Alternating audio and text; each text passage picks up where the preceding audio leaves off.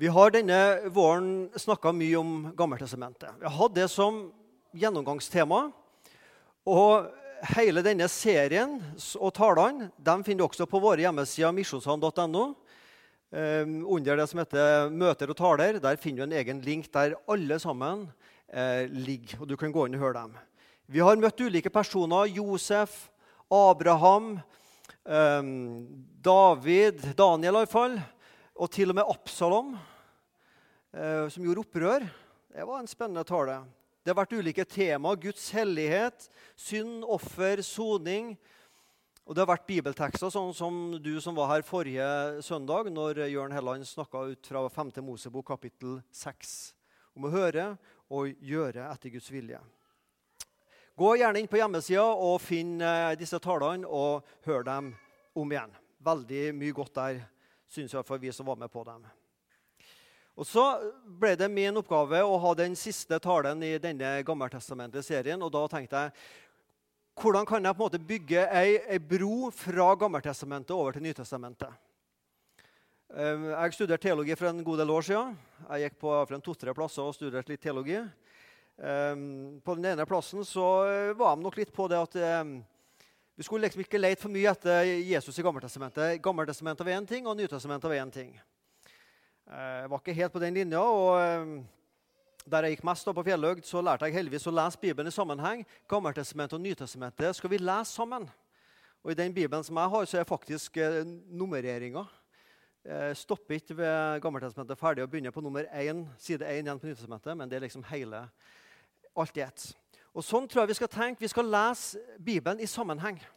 Gammeltestamentet forbereder Nytestamentet. Og skal vi skjønne Gammeltestamentet riktig godt og helt, så må det leses i lys av Nytestamentet. Og Derfor ble det så naturlig for meg når jeg skulle holde den siste talen i denne serien, å finne gjerne det skriftavsnittet som tydeligst viser Jesus i Gammeltestamentet. Vi kunne gått til noen sånn Jesaja-profetier uh, om at han skulle fødes sånn og uh, disse tinga der. Eller uh, Mika, står det i. Men så valgte jeg Jesaja slutten av kapittel 52 og hele kapittel 53 og har satt som overskrift 'Ser du Jesus?' Vi skal gå gjennom ganske mange vers. Jeg skal ikke si så mye om hvert enkelt vers. Og så skal du ha med deg denne spørsmålet hele tida. Ser vi Jesus? Det hender jo vi møter mennesker som vi vet har sett før. Åh, hva de heter for noe? Hvor er de møtt dem, og hvem er de? Og så tenker jeg at jeg har sikkert møtt dem på et kristent stevne, eller, men du tar ikke helt hvem det er. Men du, du vet, du kjenner igjen litt hos det mennesket der. Eller kanskje sånn som jeg opplevde da jeg var i Oslo forrige helg på jubileumsfesten.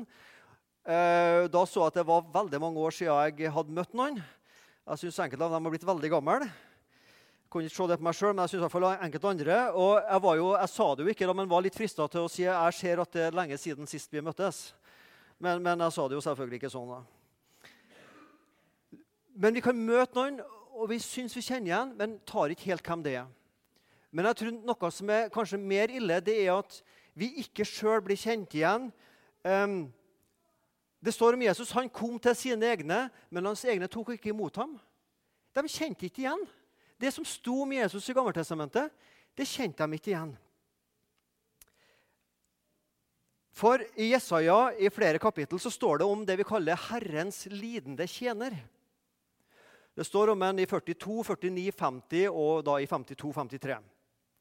Og Det er altså samme person som Jesus fra Nasaret. Og Dette ble skrevet ca. 700 år før Kristus. Hvorfor kjente de ham ikke igjen? Ja, ja, Hvis vi går 700 år tilbake fra 2016, så er vi i 1316. Hvis noen i 1316 hadde skrevet et eller annet om en person som skulle fødes en gang i framtida, ville vi ha kjent det igjen i dag? Ikke sikkert vi har gjort det. Men hvorfor kjenner vi igjen Jesus Kristus når vi nå skal lese dette skriftavsnittet? Jo, vi kjenner igjen at det er Jesus fordi Matteus, Markus, Lukas, Johannes, Paulus og kompani de har fortalt oss dette er Jesus. Philip som kom med denne vogna med den etiopiske hoffmannen som satt og las fra dette skriftavsnittet. Det er Jesus du leser om. Det er Jesus fra Nasaret, han som ble korsfesta. Og Det er mange bibelvers som er eh, i 52-53 som kommer igjen i Nytestementet. Jeg har ikke tid til å gå inn på det nå, Men i de fleste biblene så er det sånne noter som dette under. Der kan du liksom sammenligne. Og du vil se utrolig mange nytestamentlige bibelvers som siterer fra 52-53. Kjenner vi igjen Jesus, ser vi at det er Jesus. Når vi kjenner igjen Herrens lidende tjener Jesaja som Jesus fra Nasaret, og spesielt at dette handler om Jesu lidelseshistorie langfredag, så ser vi likhetene. Og vi skjønner med en gang dette må være Jesus, fordi noen har fortalt oss at det er Jesus. Ja, Hvem skulle det ellers være? Jødene tenker er det, er det profeten Jesaja sjøl? Er det en spesiell en som vi ikke vet hvem er? Er det kanskje israelsfolket? Vi som har nytelsesmente, vi vet det er Jesus fra Nasaret. Herrens lidende tjener. Kalt til å tjene Gud, kalt til å lide for Herren. Han ble kalt til å ha et oppdrag, en misjon i verden, og han ble kalt til å ta på seg verdens synd. Så det du skal få være med på de neste minuttene, det er at vi skal lese kapittel 52, vers 13, til og med hele vers eh, ut kapittel 53. Nå har jeg brukt den siste bibeloversettelsen eh, i gjennomgangen i dag. Og jeg kjente når jeg skulle lese det, at eh, jeg er vant til en annen oversettelse, så det er litt sånn ulikt her og der, men til sammen så utfyller disse bibeloversettelsene hverandre på en veldig fin måte. 52 vers 13-15. Se, min tjener skal ha framgang, han skal opphøyes og løftes opp og bli svært høy. Slik mangler ble forferdet over deg.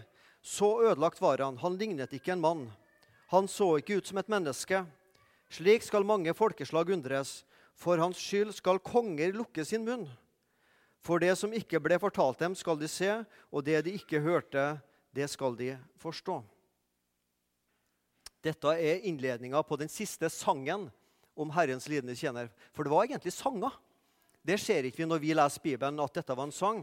Men eh, de som da kan hebraisk og ser at dette, her er det rytme og rim, og ord rimer på hverandre, de ser at her, dette sang de.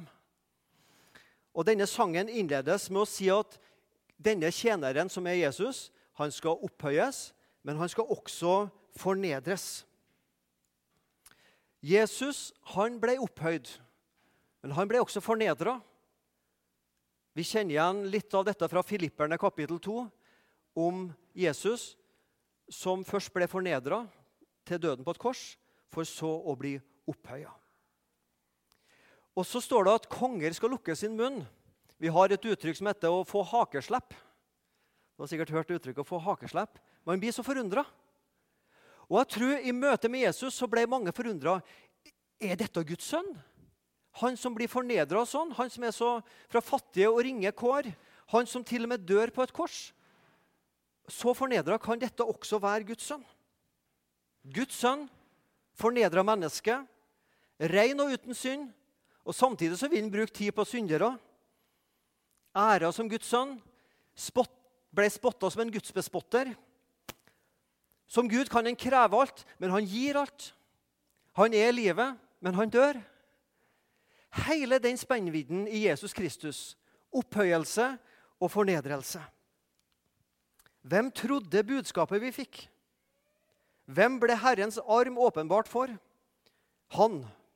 Så Jesus skjøt opp som en spire for hans Guds ansikt, som et rotskudd av tørr jord.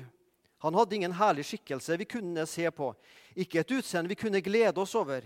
Han var foraktet, forlatt av mennesker, en mann av smerte, kjent med sykdom, en som de skjuler ansiktet for. Han var foraktet, og vi regnet ham ikke for noe. Sannelig, våre sykdommer tok han, og våre smerter bar han. Vi tenkte, han er rammet, slått av Gud og plaget. Han skjøt opp som en rotskudd av tørr jord. Liten spire, tørr jord. Ikke noe god eh, jordbruksjord som du får noen store, flotte vekster av, men som en liten spire på en tørr plass der man kunne vanskelig tenke seg at her kunne det bli noe. Hva er det Jesaja vil si? Jo, Jesus hadde ikke i utgangspunktet denne herligheten, i hvert fall menneskelig sett, sånn som kong David og kong Salomo hadde. Svært slott og tempel og tjenere, og du vet, de hadde rikdom av ene og andre. Og så fødes Jesus på en bitte liten by, Betlehem, ringakta. I en stall, eller Det står ikke i Bibelen at det var en stall, men i en, en slags liten hule. Det var liksom ikke kongeseng. Fattig, ringe kår. Nasaret var ikke noe stort akta by. Det var Jesus. Det var ingenting i det ytre som skulle si at han var som kong David og kong Salomo og, og disse. Men så går likevel Jesus langt over, overgår dem. Foraktet, forlatt, sykdom, foraktet, ikke regnet for noe, rammet, slått og plaget av Gud, står det om denne lidende tjeneren som er Jesus. Det er din og min frelser, det. Sånn står det om han. Så et veldig flott bibelvers i Hebreerne 4, 15. For vi har ikke en øversteprest som ikke kan ha medlidenhet med oss i vår svakhet. Men vi har en som er prøvd i alle ting som oss, dog uten synd. Uten synd. Er ikke du glad for det? At vi har en frelser, vi har en bror som ved Guds side vet om vår sak og ber for meg. En sånn Gud har jeg, en sånn bror har jeg. Som har vært så djupt, så langt nede, som ikke noe menneske kan komme. Sjøl om også enkelte mennesker kan komme djupt ned. Jeg har en bror, jeg har en frelser, som har medlidenhet, empati, sympati, mange flotte ord. En som ser meg, og som hører meg, og som vet om meg, og som likevel, likevel vil ha med meg å gjøre, og som har gjort alt for meg. Det har jeg. Lite rotskudd av tørr jord, men du og du for en vekst det ble. Én ting er hva mennesker så i Jesus, men det er noe helt annet hva Gud ser i Jesus Kristus. Ser vi det samme som Gud ser, der er din bror, der er din frelser. Og Så kommer vi til høydepunktet synes jeg, i denne sangen. Men han ble såret for våre lovbrudd, knust for våre synder. Straffen lå på ham, vi fikk fred, og ved hans sår har vi blitt helbredet, ble vi helbredet. Vi gikk alle vill som sauer, hver tok sin egen vei. Men skylden som vi alle hadde, lot Herren ramme ham. Jeg syns her er høydepunktet. Her er sjølve evangeliet. Og legg merke til pronomenene. Han og vi. Han og vi og våre synder. Jeg syns der ligger evangeliet både i disse versene og i foregående vers. Der han, Jesus, Herrens lidende tjener, er den handlende, den aktive, den som hjelper, og den som frelser. Mens vi og våre synder, vi har problemene. Sykdom, piner, overtredelser, misgjerninger, skyld, lovbrudd, synder. Brukes litt flere ord her. Ukjært barn har mange navn. Ja, misgjerninger, lovbrudd, overtredelser, synd osv. Det, det, det er vår side av saken. Og alt det som han har på sin side av saken. Men evangeliet er jo at det han har på sin side, det gir han til oss. Det er det som er så fantastisk. For ytre sett så, så det ut som at Jesus på korset fikk straff som fortjent. Vi trodde, når man ser det med menneskelige øyne, at han var slått av Gud som en Eh, gudsbespotter, plaget osv. Og, og så snur hele teksten når du, får når du får dette ene fantastiske ordet 'men'. Men. Det var våre overtredelser. Det var mine synder. Straffen lå på Jesus for at jeg skulle ha fred. Vi har det negative, men han får konsekvensene av alt det negative. Han gjør bare godt men vi får lønna av hans godhet, fred og legedom. Han og vi. Ingen jevnbyrdighet, ingen likhet i skyldoppgjøret i domsoppgjøret. Vi kommer ufortjent godt ut av det. For han er det en dårlig deal, for å bruke et moderne uttrykk. Han gjør en dårlig byttehandel, men han gjør det villig.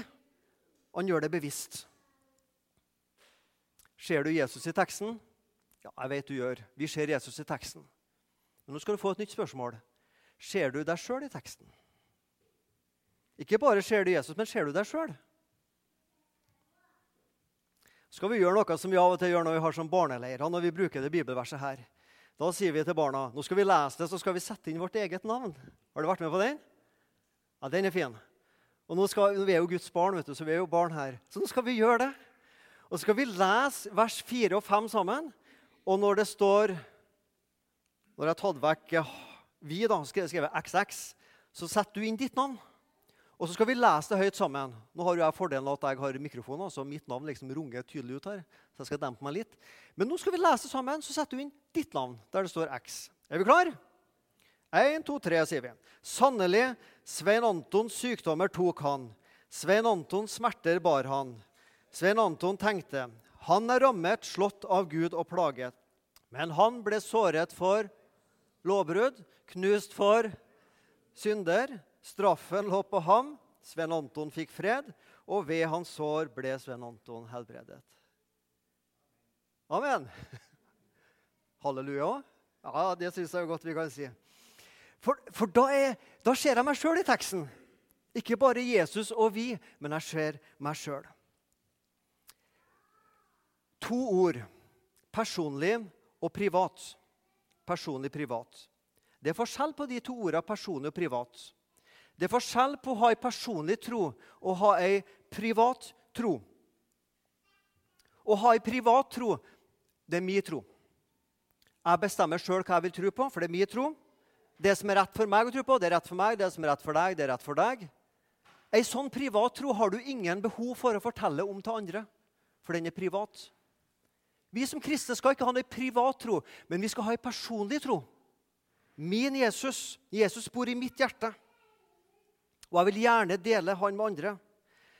Jeg har en personlig tro. Jeg vil være en personlig kristen. Synd er personlig. Tilgivelse er personlig. Bekjennelse er personlig og troa er personlig. Den er heldigvis også kollektiv. Vi tror sammen. Men vi tror sammen fordi at vi som enkeltindivid tror. Min tro er personlig tro, men ingen privat tro. Og Du har også den samme differensieringa når det gjelder Jesus. Det er forskjell på å ha en privat Jesus og ha en personlig Jesus. Privat Jesus ja, Jesus for meg han er sånn og sånn, og jeg føler at Jesus han er sånn og sånn. Og Når vi føler at Jesus er sånn og sånn, da blir Jesus et kopibilde av min favorittbilde av meg sjøl. Av mine meninger. Og så lager jeg Jesus i mitt bilde. Du har hørt om kommunisme? Ja. Den er jo ikke så levende i dag, da, men uh, den har vært det. Og Der er jo Marx og Lenin de store. Har du noen gang hørt en, Mark, en kommunist si ja, for meg er Marx sånn, og jeg føler at Lenin han er sånn for meg? Ingen kommunist som vil si det. Marx og Lenin er sånn og mener sånn, og derfor har du kommunisme. Men når vi kommer til Jesus Nei, altså, du har din Jesus, jeg har min Jesus. Og så lager vi oss et privat bilde av Jesus.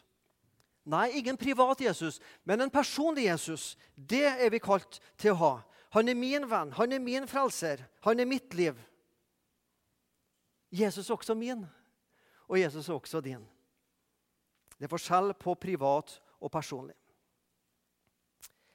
Vi for alle vill som sauer. Det er tid for jubileum. Nå var det jubileum forrige helg. 125 år. Neste år så er det et enda større jubileum. Da er det to svære jubileum. Ett i verden og ett i Norge. Det store jubileet i verden det er jo 500 år Martin Luther, 2017. Og så er det et lokalt norsk jubileum, 100-årsjubileum. Jeg skal ikke si hva det er jubileum for, men du skal få fire stikkord. Det er et 100-årsjubileum. Det er svart, og det er hvitt. Det er Trondheim, og det er en fotball. Jeg sier ikke mer.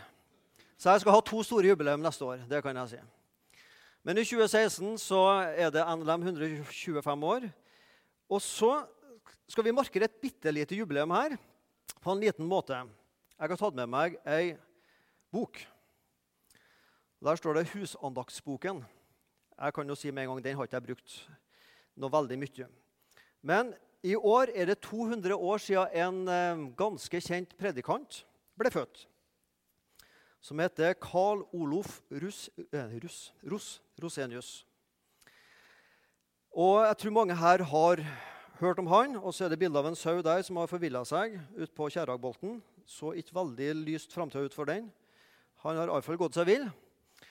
Um, Karl Olf Rusenius veldig kort. Han var en svensk eh, forkynner. Um, og Det som var kjennetegnet med hans forkynnelse, det var det objektive i frelsa i Kristus. Kristus for oss, og Kristus for deg og Kristus for meg. Hans forkynnelse kom til å prege mange prester og mange predikanter langt i framover. Og ennå i dag er det mange som eh, av og til siterer han. Um,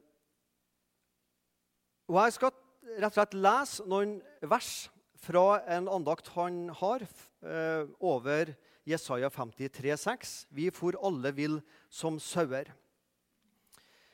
Og Legg merke til hvordan han på en måte gjør dette personlig for deg og meg. Um, Legg derfor merke til det som Herrens ånd her kaller vår store hovedvillfarelse. Vi venter oss hver til sin vei. Hver og en vender seg til sine egne gjerninger. En tenker hvis jeg bare kunne være riktig alvorlig i min gudsfrykt, riktig elske og frykte Gud, da skulle jeg håpe på Guds nåde. Men dette er å fare vill, sier profeten. Det nytter ikke. Du er altfor ødelagt. Du er med alt det du selv gjør, bare en fortapt synder.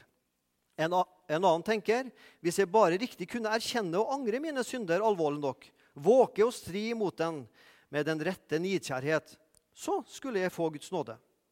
Men det er også fare vill, sier profeten. Det er alt forgjeves hva du enn gjør. Det kreves en helt annen mann. Men vil du vite hva som gjelder for Gud, så hør. Herren lot våres alles misgjerninger ramme ham. Det er bare dette som gjelder for Gud. Herren så på oss i barmhjertighet i vår ynkelige strev i synden. Han tok seg av oss og gav oss en mann som skulle bære alle våre synder. Han som ikke visste av synd, han har Gud gjort til synd for oss. Hele verdens, alle våre synder ble kastet på én mann etter den store tilrekningsloven. Herren bestemte at alle våre synder skulle være hans, at han skulle være, han selv være ansvarlig for å gjenopprette det synden hadde ødelagt.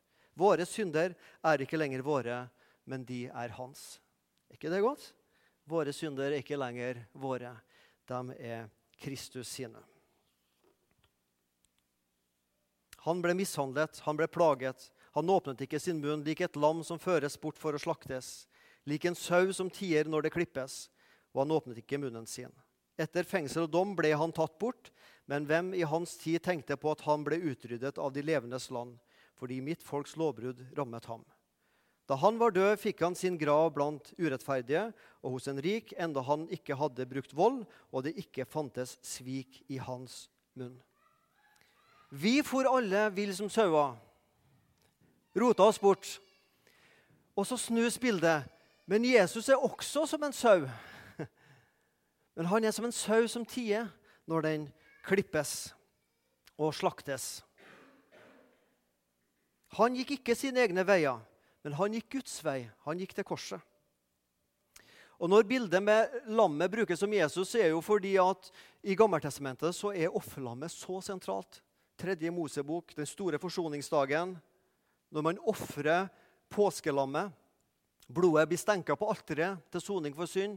Og det andre påskelammet eller påskebukken blir sendt ut i ørkenen for å på en måte markere at nå bærer det med seg folkets synder bort og vekk. Stedfortrederen. Blodet til et feilfritt lam som ofres og tar bort synd. Jesus, vårt offerlam, vårt påskelam. Ser du Jesus i teksten? Ja, hvordan i all verden kan vi unngå å se Jesus når vi har fått det forklart at det er Jesus? Ved fengsel og dom, pint under Pontius Pilatus. Hvem i hans tid tenkte på dette? Hvem i hans tid skjønte hva det dreide seg om? Jødene skjønte ikke hva det dreide seg om når Jesus døde på korset. Disiplene som hadde vandra med Jesus i tre år, burde jo vært de første som tenkte ah, så bra Jesus dør, nå blir synda vår sona. Halleluja. Jeg tror ikke de skjønte. Takk og lov for at Gud åpenbarte for Paulus og Peter og de andre i ettertid, og det ble lagt ut. Og vi kan lese om hva det betyr for oss at vårt påskelam er slakta. Det var Herrens vilje å knuse ham med sykdom. Eller som det står i andre oversettelser, det behaget Herren å knuse ham med sykdom. Når hans liv er gitt som et skyldoffer, skal han se etterkommere og leve lenge. Og ved Hans hånd skal det lykkes, det som Herren vil. Etter sin nød skal han se lys. Han skal mettes ved sin innsikt. Min rettferdige tjener skal gjøre de mange rettferdige når de kjenner ham. Han har båret deres skyld, derfor gir jeg ham til del med de mange. Med de mektige deler han bytte fordi han uttømte sitt liv til døden og ble regnet blant lovbrytere. Han tok på seg de manges synd og ble rammet i stedet for lovbrytere. Det behaget Herren å knuse ham med sykdom. Det var Herrens vilje å knuse ham med sykdom. Ser du Jesus i teksten? Ser du deg sjøl i teksten? Og så skal du få det tredje spørsmålet. Ser du Gud, Faderen, i teksten? Han som knuser sin sønn. Jeg syns dette er et vanskelig bibelvers. Hva slags bilde har vi egentlig av Gud? En snill bestefarstype, kos og klem-Gud. Det vil alle være enige om, og alle kan akseptere. Men hva om denne guddommen straffer sin egen sønn ved å drepe han, og en dag kommer til å sende mennesker i en evig fortapelse? Tør vi å ha et sånt gudsbilde? Tør vi å stå opp for et sånt gudsbilde? Jeg syns det der er et sterkt vers. Det behaget Herren. Det var Guds vilje å knuse Jesus til døden. Jeg tror det det egentlig betyr, det behaget Herren å se sitt frelsesverk bli fullført. Det var det Gud hadde behag i, å se at nå er frelsa fullkommen, og den er fullført. Men for å fullføre denne frelsa så måtte Jesu ofres. Han måtte ofre sin egen sønn. Jødene har måttet lide fordi det ble sagt at de drap Jesus. Ja, På en måte var det jo det. På en annen måte var det romerne. Ehm, det var romerne som sånn sett drap Jesus. Men egentlig så er det Gud som drap Jesus. Det er han som tok livet av Jesus. Jeg tror meg sjøl at jeg er en god far. Jeg tror aldri ville ha funnet på å ta livet av mitt eget barn. Jeg tror jeg ville gått i døden for mitt barn. Det er iallfall lett å si det herifra, men eh, ja, jeg tror kanskje jeg ville gjort det. Og det tror jeg du ville gjort òg. Men Gud, som en mye bedre far selvfølgelig enn meg, ofrer sin sønn. Ja, Hvem har sagt at vi skal forstå alt? Men vi skal tro det. Og vi skal takke for det. Tenk at han gjorde det. Når hans liv er gitt som et skyldoffer fantes mange offer i Gammeltestamentet. Men skyldofferet hadde det med seg at det skulle ta bort skylda innenfor Gud. Det var nødvendig for å gjenopprette Guds ære og Guds hellighet, og at synda skulle bli tilgitt. Syndoffer og skyldoffer. Han har båret deres skyld. Og Så står det så flott om denne lidende tjeneren. Han skal rettferdiggjøre de mange. Han skal rettferdiggjøre mange. Han tok på seg de mange synd og ble rammet i stedet for lovbrytere. Og Da er vi midt inne i det som Paulus så fantastisk har lagt ut for oss. Vi som er syndere, vi blir erklært rettferdige ved Jesu offerdød. Ser du Jesus? Ja, visst ser vi Jesus. Ser vi langfredag her? Hvordan kan vi unngå så langfredag? Min rettferdige tjener skal gjøre de mange rettferdige når de kjenner Han. Når de kjenner Han. Det er mange som kan lese om at Jesus dør på korset. Det er én ting, og kan det også teologisk å vite om det. Men hvis ikke jeg har en relasjon til det, til Jesus, så havner jeg i hykleri. Teologisk kunnskap uten personlig kjennskap det blir hykleri. En kristen bekjennelse til dette uten å ha et personlig forhold til Jesus blir et hykleri. Medlemskap og aktivitet til og med en forsamling som Misjonssalen uten å ha en relasjon til Jesus, vi havner i hykleri. I dag er vi i et rettsmøte, folkens. Nå er retten satt. Her er det et rettsmøte. Velkommen til en rettssak. Og I dag er det mange skyldige her. Alle vi som sitter her nå, er skyld på til, ikke på tilskuerbenken, men vi er skyldige. Og anklagen leses opp for oss. alle dine og mine synder, overtredelser og misgjerninger. Og Det verste med det, det, det stemmer jo alt sammen. Men ikke bare stemmer det, men jeg får faktisk lest opp anklager mot meg som ikke jeg var klar over engang. Mine skjulte synder. Jeg var ikke klar over det engang. Men det stemmer jo. Sånn er jeg. Dommen leses opp. Jeg, du, vi dømmes skyldige. Og folkens, Straffen er lenger enn 21 års forvaring, som er det lengste du kan få i Norge. Det er lenger enn en livstidsdom uten benådning, som er det lengste du kan få i USA. Det er en evig dom. Det er en evig dom borte fra Gud. Skyldig. Vi er i rettssalen fortsatt, og dommeren tar ordet enda en gang. Og han har en, enda en dom til deg og meg. Og det er en frikjennelsesdom. Ikke fordi dommeren først tok feil med den første dommen, men en annen, en lidende tjener, Jesus, har tatt straffen for skylda i den første dommen. Og så er jeg fri, og så er du fri, og så kan vi snart gå ut fra rettssalen her frie. Tenk på misjonssalen som en rettssal. Vi kommer inn med vår skyld, vi legger den fra oss, og vi går ut frie. Ja, ja, en rettssal, altså, Vi har ikke så veldig lyst til å komme tilbake til en rettssal. da. Misjonssalen har jeg lyst til å komme tilbake til. For det er noe vesentlig forskjeller. Her får jeg høre at jeg er fri. Og her kan jeg takke og tilbe Han som har gjort meg fri. Og her kan du og jeg møte, Vi møter hverandre som likemenn og likekvinner. Vi har det likens. Vi er like skyldige alle sammen, men vi er også like fri i Kristus. Derfor vil jeg komme tilbake hit og høre det om og om igjen. Jeg som er skyldig, jeg er fri. Og da kan vi sannelig både si amen og halleluja. Altså. Godt å være i denne rettssalen som heter Misjonssalen, og få en frikjennelsesdom fordi Kristus tok vår straff. For meg, de to fineste ordene som fins i Bibelen, syns jeg, det er dette begrepsparet 'for meg'. Så er jeg rettferdiggjort av Han som rettferdiggjør syndere. Så er ikke lenger synda mi, men stedfortrederen ble ramma i stedet for en synder som meg.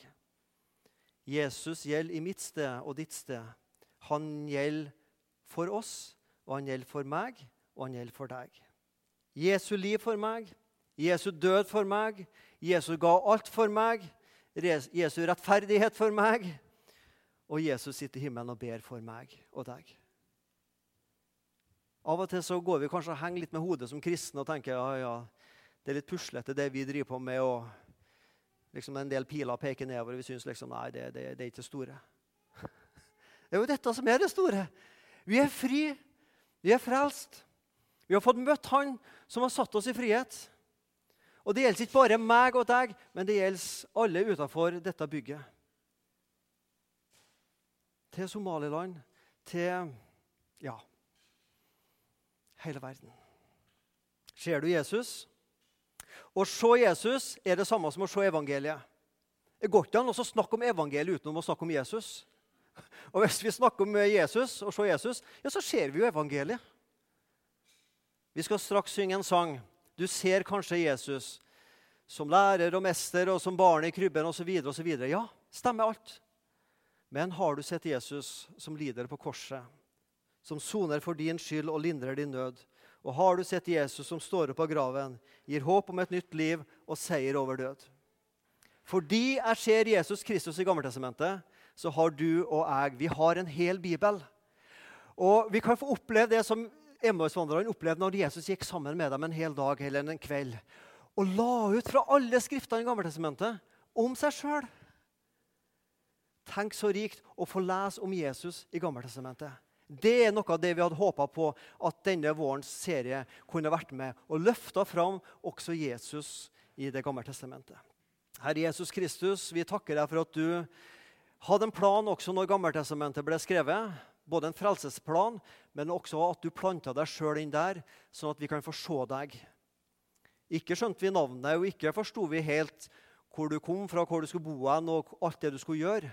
Men i ettertid Jesus, så takker vi for at vi kan lese Gammeltestamentet, lyset og Nytestamentet, og så blir det så mye rikere for oss. Takk for også Det gamle testamentet, og takk for alt du har gitt for oss, Jesus. Amen.